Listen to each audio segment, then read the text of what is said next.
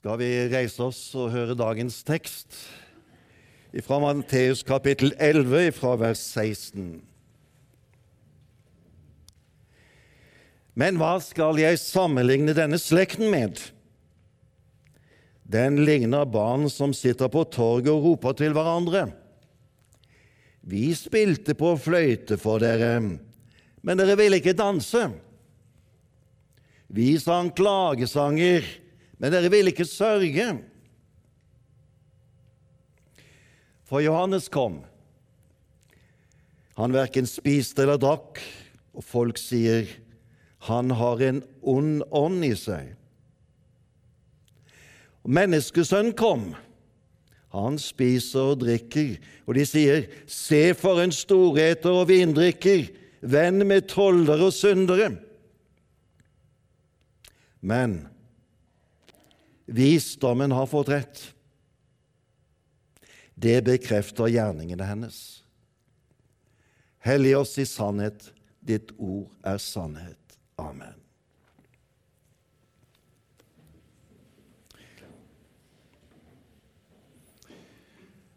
Ved frokostbordet i dag morges så spurte kona hva skal du preke over i dag. da? Nei, jeg skal preke over dagens tekst, sa jeg. Ja, den med barna som sitter på torget og roper om det ene og det andre. Ja, ja hva kan du få ut av den teksten, da? Så sa jeg ja, du får høre, så får vi se. For jeg må jo si det at når jeg leste teksten første gang og skulle preke over den nå Jeg har ikke tidligere prekt over denne teksten.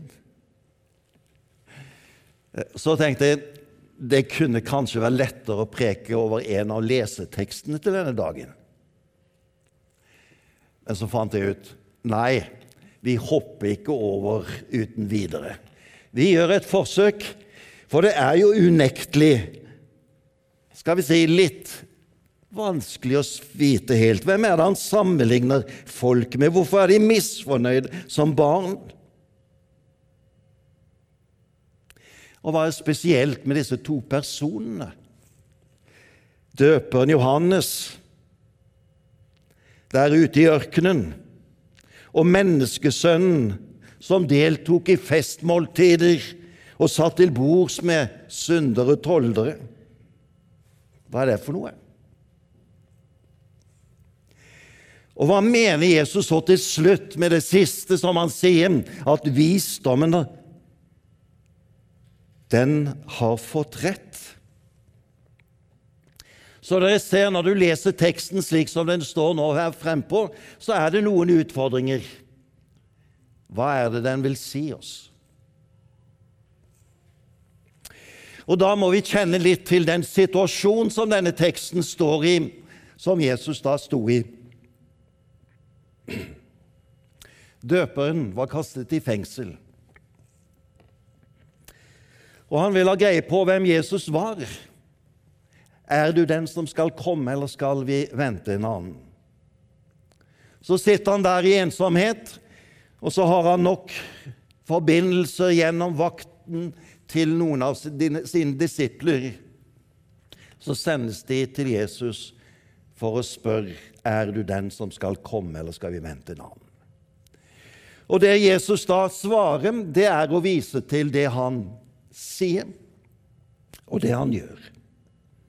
Blinde ser, lamme går, spedalske renses, og døve hører, og døde står opp. Og evangeliet forkynnes for fattige. Dette svaret som da døperen får, skal være nok til å vite jo, han er den som skal komme. Folk som hadde sett denne døperen, lurte jo. For unektelig stiger han frem ganske spesielt. Så de spurte hvem er han egentlig? Han hadde virket ute i ødemarken mellom Jeriko og Dødehavet. Og han var kledd i kamel, skinn og spiste vill honning. En asket. Og han talte om folkets synder. Og han kalte til omvendelse både høy og lav. Og Det var jo bakgrunnen for at Herodes arresterte han og satte han i fengsel. Han var en veirydder som skulle bane vei for han som skulle komme etter ham. Og Det er dette Jesus prøver å klargjøre for folket. For profeten i Det gamle testamentet hadde talt om en som skulle komme, som skulle være veirydderen for Messias. Og så stiger han frem. Og så lurer folk på hvem er denne karen. Men han var en oppfyllelse av det profetiske ord. Etter meg kommer Frelseren. Gå ham i møte. Men hva skjedde, altså? Veirydderen ble arrestert. Og det hele så ut til å dø ut. Hvem var denne Johannes, som kledde seg i denne kamelkappen og spiste villhonning? Og Jesus gir svaret til folket som var der den gangen. Men så var det noe med folkets reaksjoner på det de hørte og så når de møtte Johannes. Og det er dette Jesus griper fatt i. Etter at han har sagt hvem Johannes er, som veirydderen som skulle komme etter profetiens oppfyllelse, så møter han altså i den teksten som dere nå leser, da vender han seg fra spørsmålet om hvem Johannes er, til spørsmålet hvem er dere som har møtt han? Hvem skal jeg sammenligne denne slekten med? spør Jesus. Hva er det som karakteriserer dere som står der, opplever Johannes og opplever Jesus? Og det er da Jesus bruker denne lille lignelsen. De ligner barn som leker på torget, på lekeplassen. Og Den ene leken går ut på at det skal spilles fest og glede. Det skal spilles på fløyte, og folk skal komme og være med dem og være glade. Og deretter spilles den motsatte leken. Det er sorg, det er klage, det er triste greier. Men det er ingen som vil sørge. Det er altså noen som inviterer, og så er det noen som møter invitasjonen med likegyldighet. Vi gidder ikke. Rista på hodet, likegyldige skuldertrekk. Og så anvender altså da Jesus denne korte lignelsen på de som hører ham der og da. For hvordan var det? Jo, Johannes kom, sier Jesus. Og de visste han levde som asket. Han var i ødemarken, og han talte til omvendelse. Men folket syntes det gikk over alle grenser. Det går da ikke an verken å leve eller tale slik. Han må være litt skrullet i toppen, i hodet. Det må være noe galt med hans ånd, med hans tanke- og forestillingsverden. Det er derfor Jesus sier, folket sier, han har en ond ånd i seg. Så fortsetter Jesus, og så kommer menneskesønnen. Og Jesus bruker her en tittel om seg selv. Den er hentet fra Det gamle testamentet, fra en bok, en profetbok som heter Daniel, hvor det tales om en som ligner en menneskesønn, som skal komme på himmelens skyer og til denne verden. Og denne menneskesønnen er Jesus. Og han kommer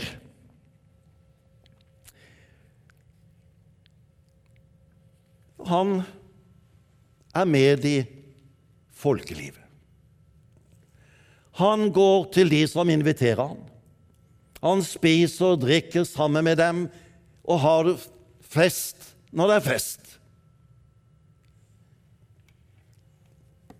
Ikke en asket.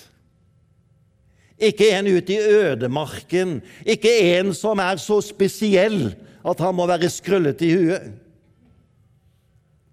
men en som går i sammen med dem. Så føyes det til her ja, som enda til sitter til bords med syndere og tollere.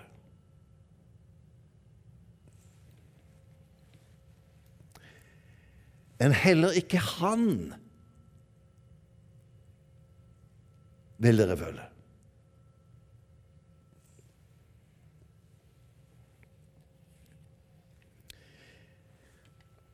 Hva er poenget? Uansett hvem Gud sender, så møter folket dem med likegyldighet. De trekker på skuldrene av han, rister på hodet. Folk er ikke fornøyd med det de ser og hører.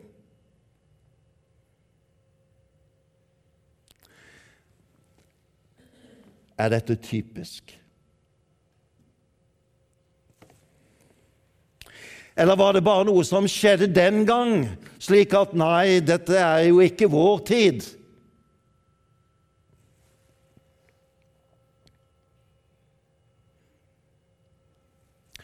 Eller kjenner vi oss igjen i vår egen tid?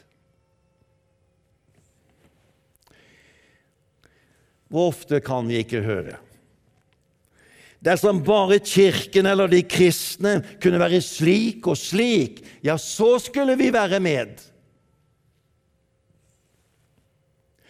Kunne de bare snutte å snakke om synd og dom? Kunne de bare snakke om kjærlighet og det som er godt og vel?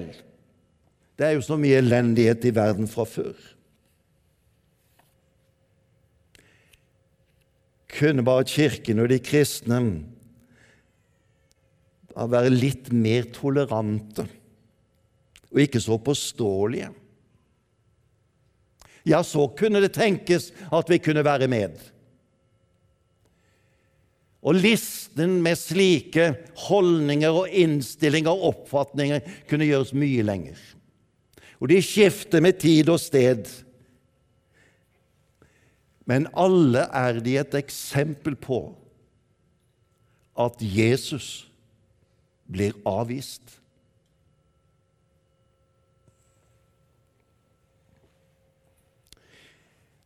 Han ble det den gang, og han blir det i dag.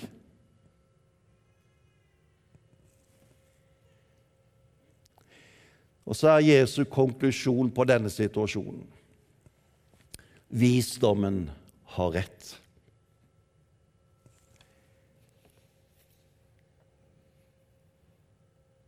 Det bekrefter gjerningene hennes. Hva er det han da trekker frem?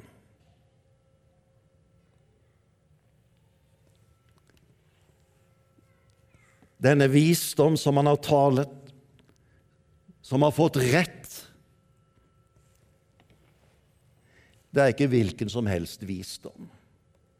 Det er ikke den menneskelige visdom, ikke de menneskelige kunnskaper og innsikter. Men det er snakk om den visdom som er åpenbart av Gud. Det er Guds egen visdom. Derfor blir denne visdommen i teksten personifisert. Visdommen stiger frem som en person.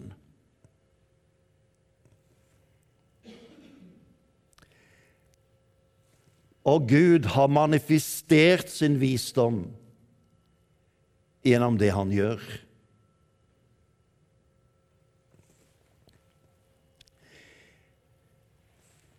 Han gjorde det når han handler gjennom døperen som veirydderen for Jesus, og viser at det er en sammenheng mellom profetenes ord i Det gamle testamentet og oppfyllelsens tid. Det er Gud som handler slik i historien at det blir en sammenheng i det som er hans historie. Den som vil se, den vil kunne se dette. Og hele Skriften understreker denne sammenhengen.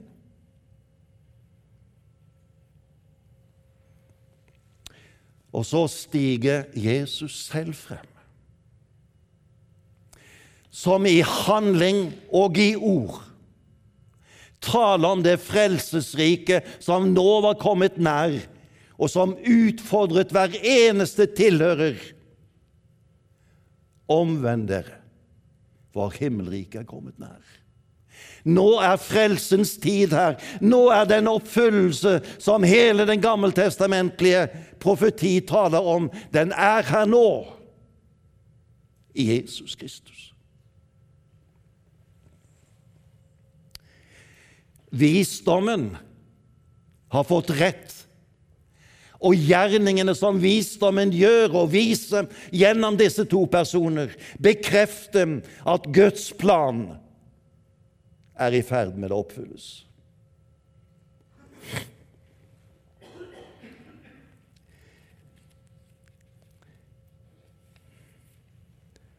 Gud handler alltid etter sin plan for å oppfylle sine løfter. For å avlegge et vitnesbyrd i verden om hvem han er, og hva hans siktemål er. At menneskene skal tro på Jesus Kristus.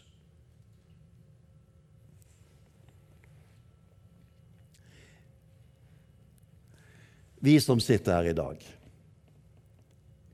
vi har sett mye mer av hvem Jesus er, enn de som sto der den gang og hørte på Jesus. For vi har hele hans liv som bakgrunn. Vi har hans døde oppstandelse som bakgrunn.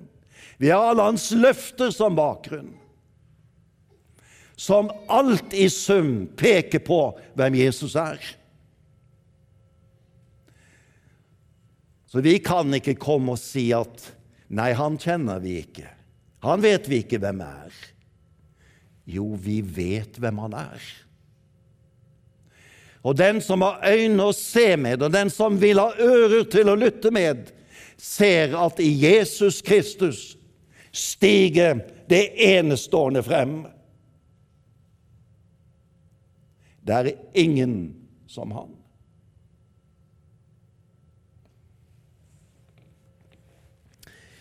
Derfor taler også Jesus inn i vår tid. På et marked som flyter over av tilbud om all slags mulige trosretninger. Men midt i dette kaoset er det at det stiger frem en som bærer visdommens tegn, Guds tegn.